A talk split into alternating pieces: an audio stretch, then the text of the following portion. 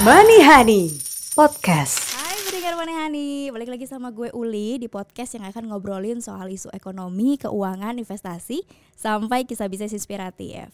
Apa kabar? Gimana kabarnya nih? Kemarin eh, sehat-sehat gak sih di tengah isu polusi? Nah, pas banget kemarin tuh gue bahas loh soal eh, mobil listrik yang katanya bisa jadi salah satu eh, solusi untuk ngatasin polusi udara. Nah, kalau lo tertarik untuk dengerin eh, podcast episode yang lalu nih soal subsidi pembelian motor listrik gitu ya, lo bisa dengerin di akun YouTube CNN Indonesia. Jangan lupa sekalian di like, comment, dan subscribe.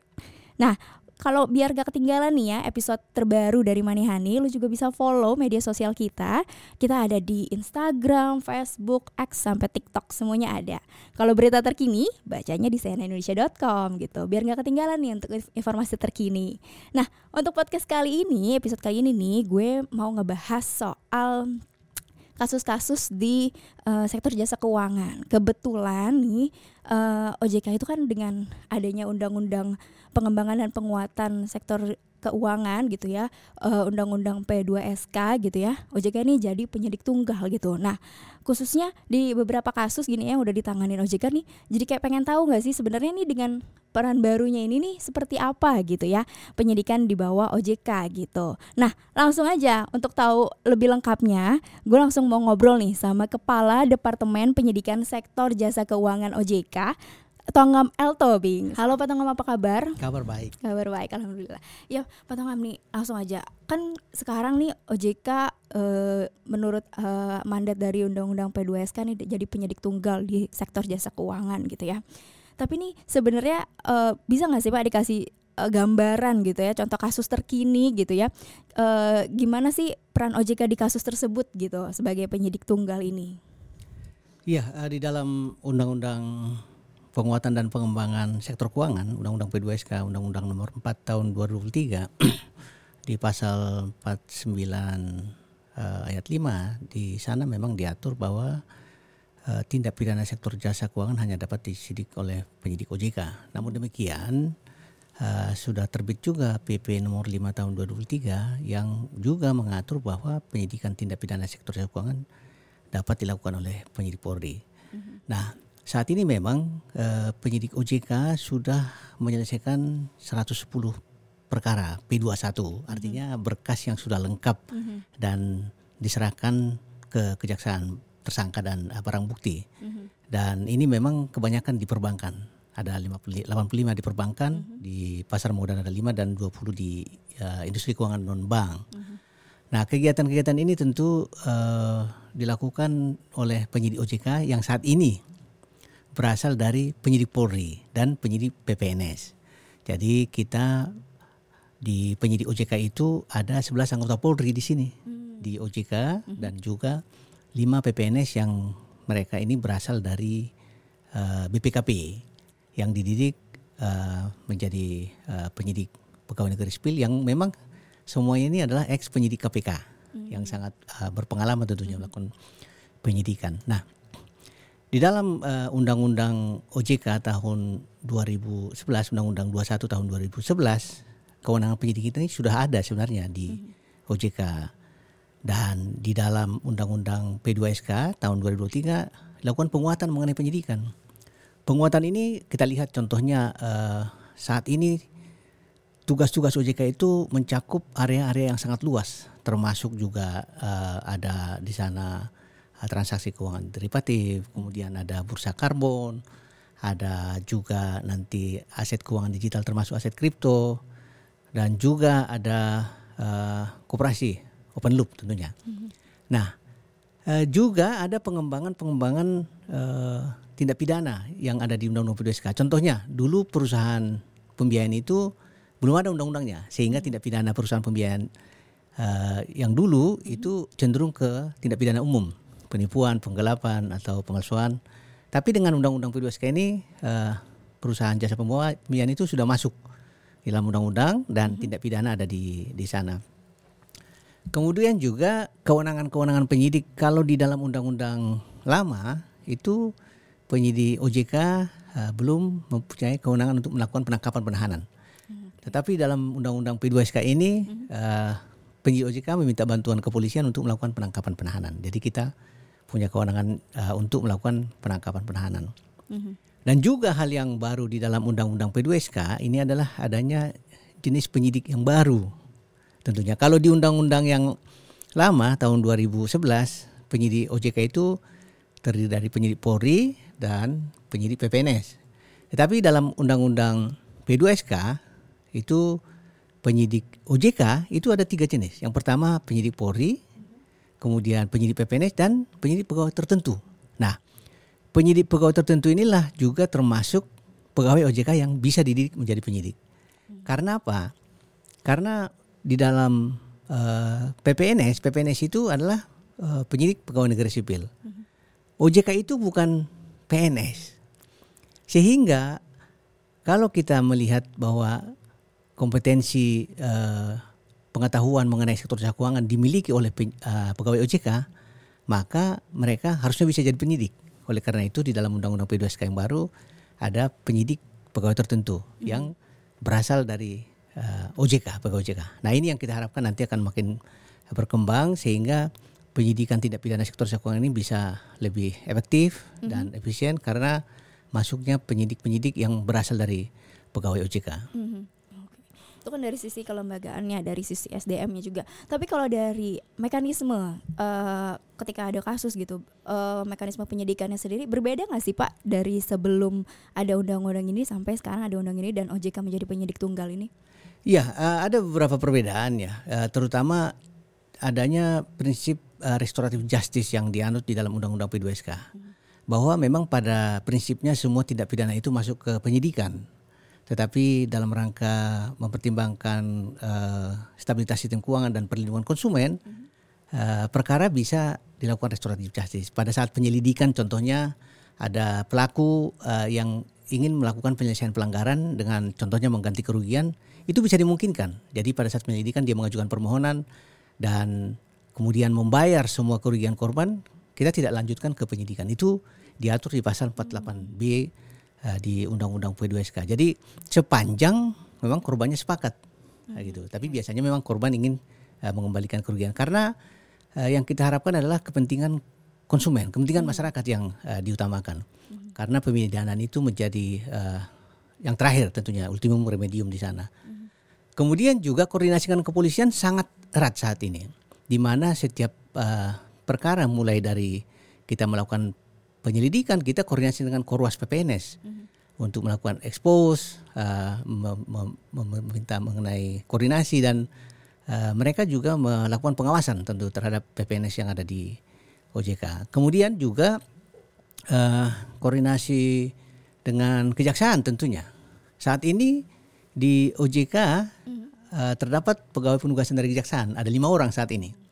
Ini mereka ini sangat eh, membantu dalam rangka menjembatani penyusunan berkas perkara dengan kejaksaan dan kita juga sangat eh, terbantu karena berkas perkara kita di kejaksaan itu jarang sekali atau tidak pernah P19 artinya bolak-balik.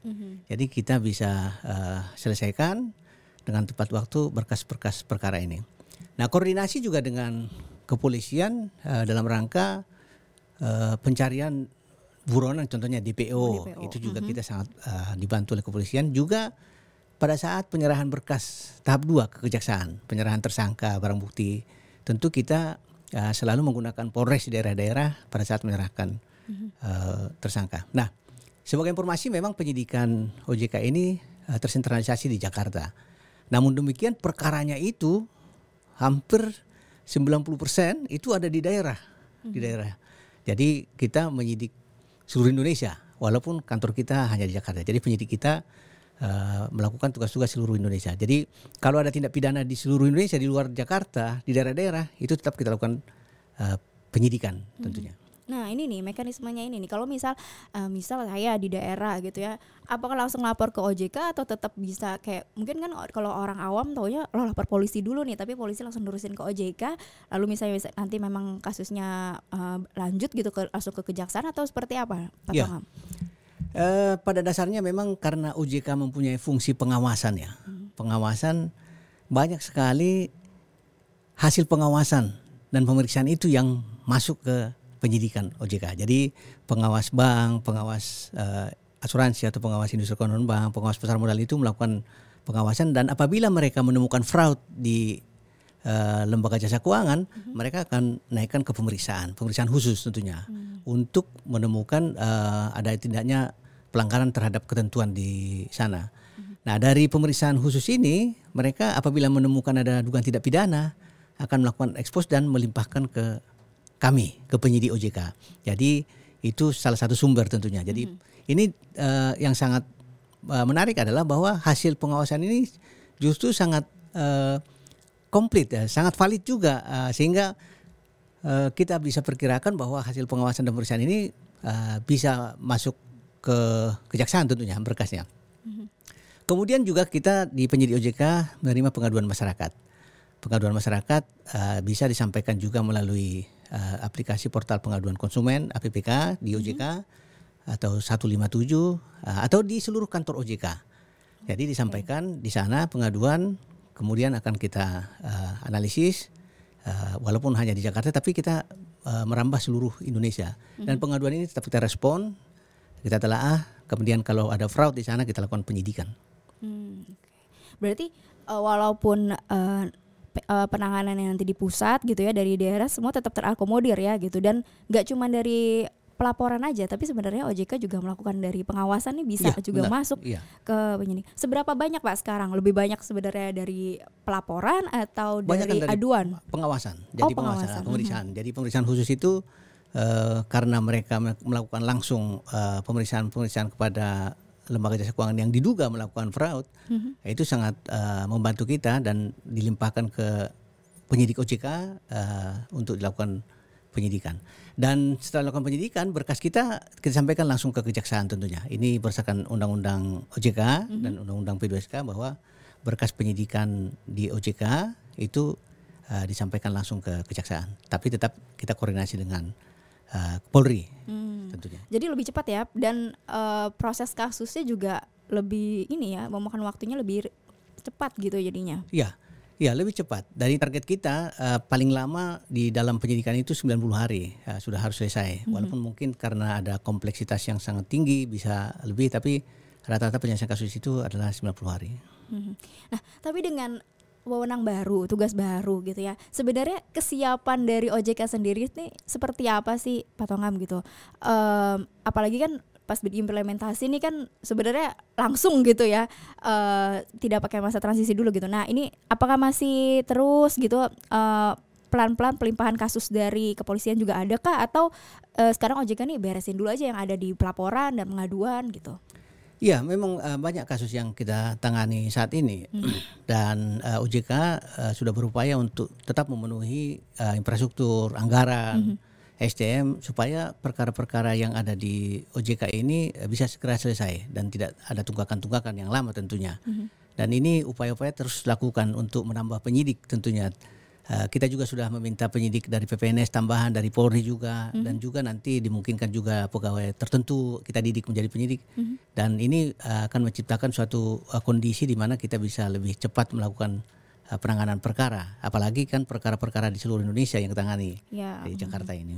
Mm-hmm. Okay. Nah contoh kasus kali ya uh, Pak Tongam gitu biar lebih jelas gitu ya uh, sekarang kasus-kasus apa ada ada kasus tertentu nggak sih pak yang lagi di, masuk penyidikan OJK kemarin kalau nggak salah juga ada ya uh, salah satu pemilik grup Krishna tuh uh, Michael Stephen kan uh, ditetapkan tersangka gitu. OJK juga sebelumnya pernah masuk di, di kasus ini gitu. Sebenarnya peran penyidikan di kasus tersebut tuh waktu itu OJK tuh seperti apa sih pak? Iya. Uh, kalau kita bicara mengenai Ajik Krishna ini memang ada beberapa kasus yang ditangani. Ada hmm empat perkara ya, uh, tiga saat ini ditangani kepolisian dan satu oleh OJK. Mm-hmm. Yang ditangani OJK adalah uh, laporan tidak benar.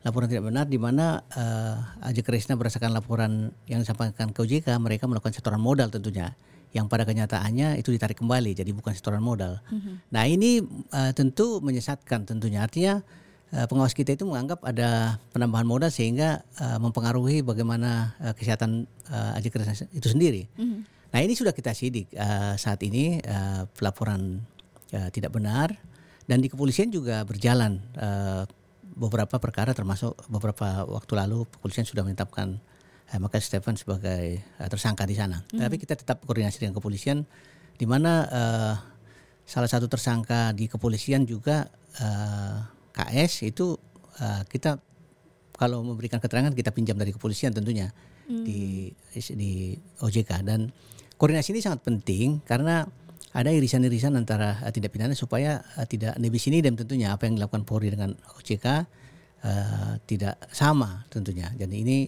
uh, kita sudah ada kesepakatan dengan Polri dalam penanganan tindak pidana sektor jasa keuangan tentu siapa yang lebih dulu uh, menyampaikan SPDP surat pemberitahuan dimulai penyidikan uh, itu adalah akan melakukan penyidikan seperti itu. Jadi kita tidak akan tumpang tindih dengan Polri.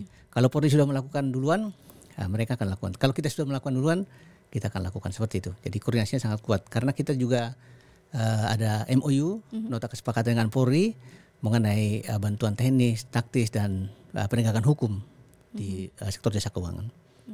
Tapi eh, khusus di kasus ini gitu ya Pak kemarin itu kan sebenarnya OJK udah sempat kasih sanksi ya Pak ya eh, eh, mencabutan izin usaha gitu kan. Tapi kemudian juga ada gugatan balik gitu. Nah ini sekarang berarti tindak eh, apa tindak eh, lanjut dari kasusnya nih udah sampai mana sih Pak?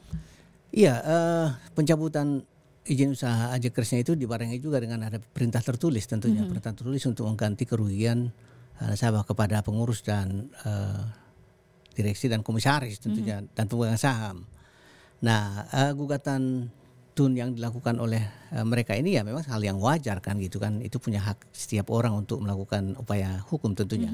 Tapi yang pasti perintah tertulis itu konsekuensinya pidana.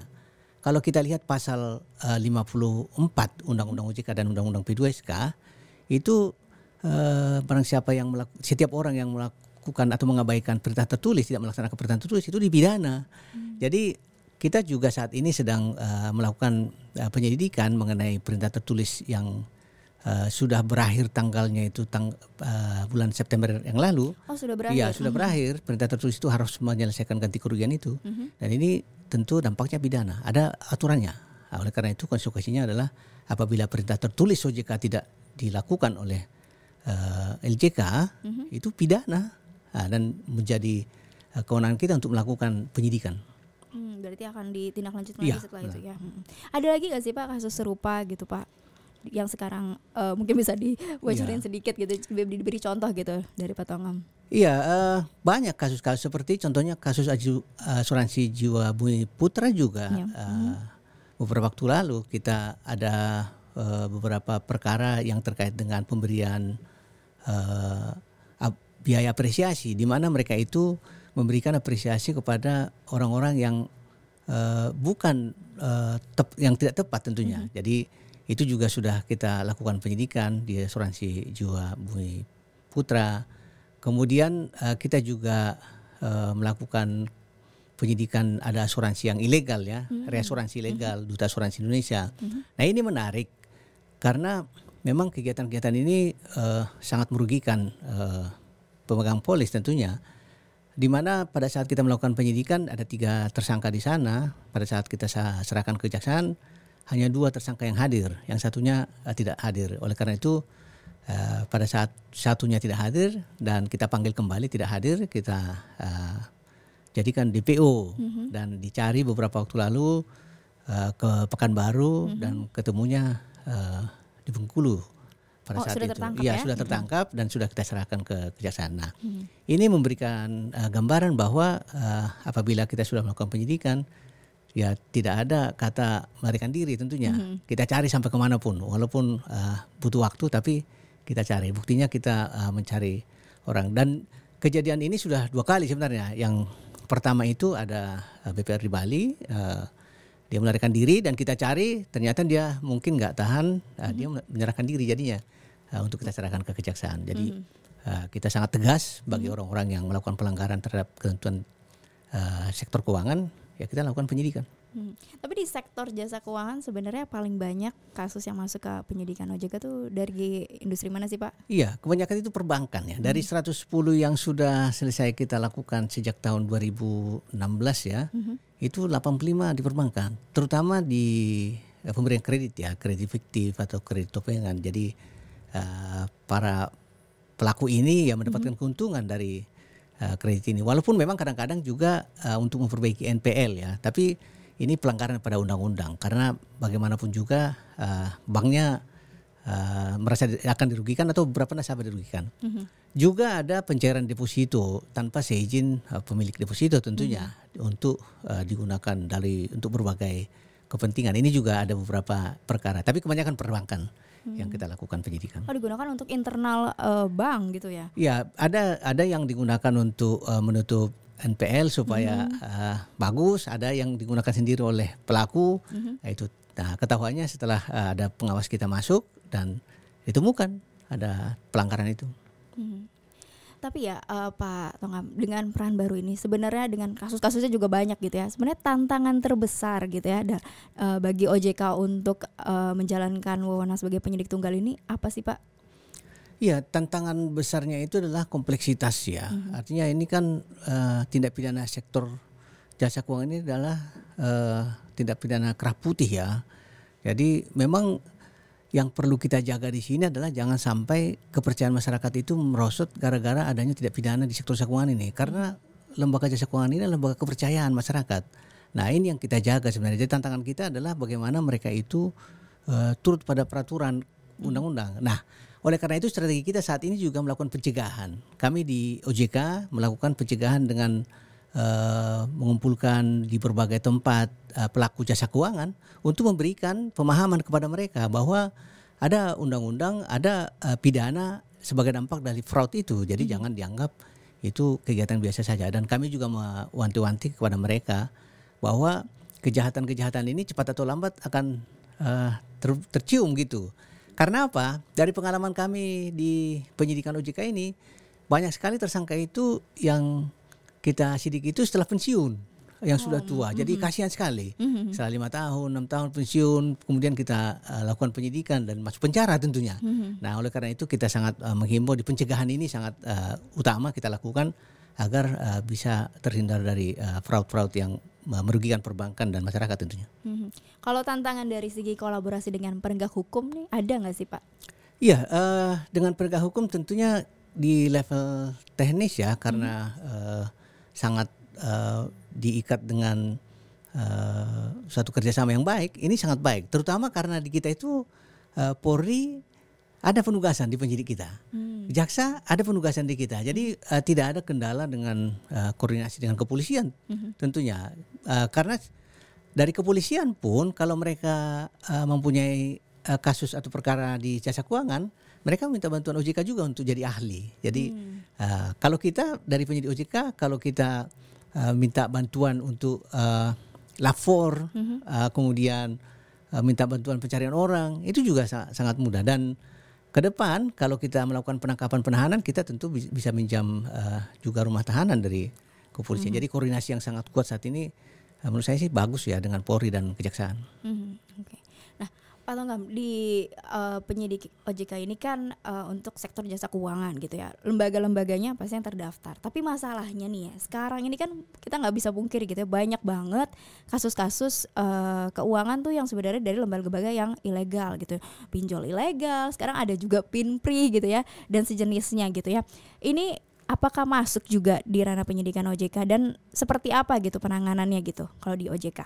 Iya, memang kegiatan ilegal ini sangat meresahkan masyarakat ya dan sangat banyak eh, merugikan eh, masyarakat di mana masyarakat itu harusnya kita bantu tapi justru mereka ini menjerumuskan masyarakat. Oleh karena itu di dalam Undang-Undang P2SK ini diatur Eh, di dalam pasal 2 eh, 37 di Undang-Undang P2SK itu diatur bahwa kegiatan-kegiatan ilegal di bidang eh, pengumpulan dana, keperantaraan dan kegiatan-kegiatan lain itu itu pidana. Jadi kegiatan itu bisa dipidana dan hukumannya bisa 5 sampai 10 tahun dan denda sampai satu triliun itu. Nah, oleh karena itu ini menjadi warning juga bagi pelaku eh, kegiatan-kegiatan ilegal ini. Nah, saat ini juga penyidik OJK sedang eh, melakukan penyelidikan terhadap eh, pinjol ilegal dan mudah-mudahan dalam waktu dekat kita bisa menyelesaikan karena memang eh, saat ini kita sedang eh, menangani eh, dan mereka ini tersebar di berbagai daerah dan eh, tentu eh, sangat banyak yang eh, terkait yang perlu kita lakukan eh, penyelidikan dan penyidikan nantinya. Jadi eh, kita dengan Undang-Undang P2SK kita semakin kuat untuk menangani kegiatan-kegiatan ilegal di sektor jasa keuangan ini. Ada nggak sih Pak contoh kasusnya Pak yang pinjol ilegal ini sekarang uh, sampai mana gitu penyidikannya gitu prosesnya? Ya saat ini uh, pinjol ilegal contohnya ini uh, yang kita sidik di OJK adalah kegiatan ilegalnya, mm-hmm. artinya tanpa izinnya, mm-hmm. tidak pada kegiatan teror, intimidasi, perbuatan tidak menyenangkan, mm-hmm. karena itu menjadi ranah penyidik uh, kepolisian, tidak pidana umum tentunya. Mm. Yang menjadi ranah OJK, penyidik OJK adalah tanpa izinnya. Contohnya uh, suatu pinjol A mm-hmm. uh, menawarkan produknya dan ada beberapa yang melakukan pinjaman, ada korbannya kemudian setelah kita cek di perizinan ternyata itu tidak ada izin, mm-hmm. nah, ini secara uh, formal ini memenuhi unsur untuk uh, uh, masuk ke penyidikan OJK. Nah, ini yang kami lakukan saat ini dan saat ini sedang melakukan penyidikan dan mudah-mudahan bisa dilanjut, dilanjuti ke penyidikan. Oh, berarti kalau ada, tapi juga kalau ada terornya gitu ya, misalnya apakah itu juga bisa dilaporkan ke OJK atau OJK teruskan misalnya ke kepolisian seperti itu nanti saling uh, kolaborasi ini untuk menangani satu kasus dari pinjol ilegal ini atau seperti apa, Pak? Ya memang uh, ada dua hal yang bisa kita sampaikan di sini. Uh, pinjol ilegal ini kalau ada teror, intimidasi, mm-hmm. uh, pelecehan uh, bisa dilaporkan ke Satgas Waspada Investasi di OJK tentunya mm-hmm. untuk dilakukan uh, pemblokiran mm-hmm. atau uh, pengumuman ke masyarakat agar masyarakat tidak ikut. Tetapi pidananya bisa dilaporkan ke polisian tentunya karena merupakan tidak pidana umum tentunya. Mm-hmm. Dan masyarakat yang merasa uh, teror mendapatkan teror intimidasi dari pinjol ilegal, kami sangat mendorong untuk lapor ke polisian. OJK menyidik dari sisi perizinannya, hmm. nah, itu karena kewenangan OJK uh, ah, di perizinan bukan pada uh, delik material uh, korban uh, teror intimidasi itu, hmm. itu bisa ke kepolisian tentunya. Nah, ini koordinasi yang sangat kuat juga dari kepolisian dan OJK. Terakhir Pak Tongam nih, ada nggak sih Pak pesan dari Pak Tongam nih ya kepada masyarakat gitu tentang jaminan perlindungan gitu ya kepada masyarakat kepada konsumen dari sisi penyidikan OJK ini? Ya, uh, kemungkinan masyarakat kita belum banyak mengetahui bahwa uh, eh, OJK punya penyidikan mm -hmm. ya, mhm. penyidikan tidak pidana sektor keuangan. Oleh karena itu uh, melalui forum ini kami uh, juga menyampaikan kepada masyarakat apabila masyarakat uh, menemukan adanya dugaan tidak pidana di sektor keuangan sektor jasa keuangan di perbankan, pasar modal, industri keuangan non bank, kami sangat mengharapkan lapor ke OJK. Jadi hmm ada pengaduan di OJK, hmm baik datang secara langsung atau melalui aplikasi portal pengaduan konsumen atau kontak 157. Kami sangat apresiasi sehingga hmm kita bisa semakin uh, menciptakan uh, lembaga jasa keuangan yang bersih dan profesional hmm untuk membantu masyarakat kita dan mendukung perekonomian. hmm Jadi intinya uh, tugas baru ini sebenarnya bukan memberatkan ya pastinya untuk mengawal gitu ya memberikan uh, apa perlindungan ya, gitu ya kepada masyarakat. Pada masyarakat ya. ya. Nah terima kasih Pak Tonggam atas obrolannya hari ini. Pendengar juga udah bisa uh, dengerin yang tadi nih obrolannya gitu ya. Kalau sekarang nih OJK punya kewenangan baru yang pastinya gitu ya akan memberikan uh, perlindungan yang lebih gitu karena sekarang OJK bisa mengawal kasusnya sendiri gitu. Nah, sebelumnya makasih udah dengerin uh, episode kali ini. Jangan lupa untuk terus tonton episode Honey di akun YouTube CNN Indonesia. Jangan lupa sekalian di like, comment dan subscribe dan follow semua sosial media CNN Indonesia untuk dapetin informasi terbaru soal episode episode Manihani. Kita ada di Instagram, Facebook, X sampai TikTok. Oke, gue Uli, pamit dah. Honey Podcast.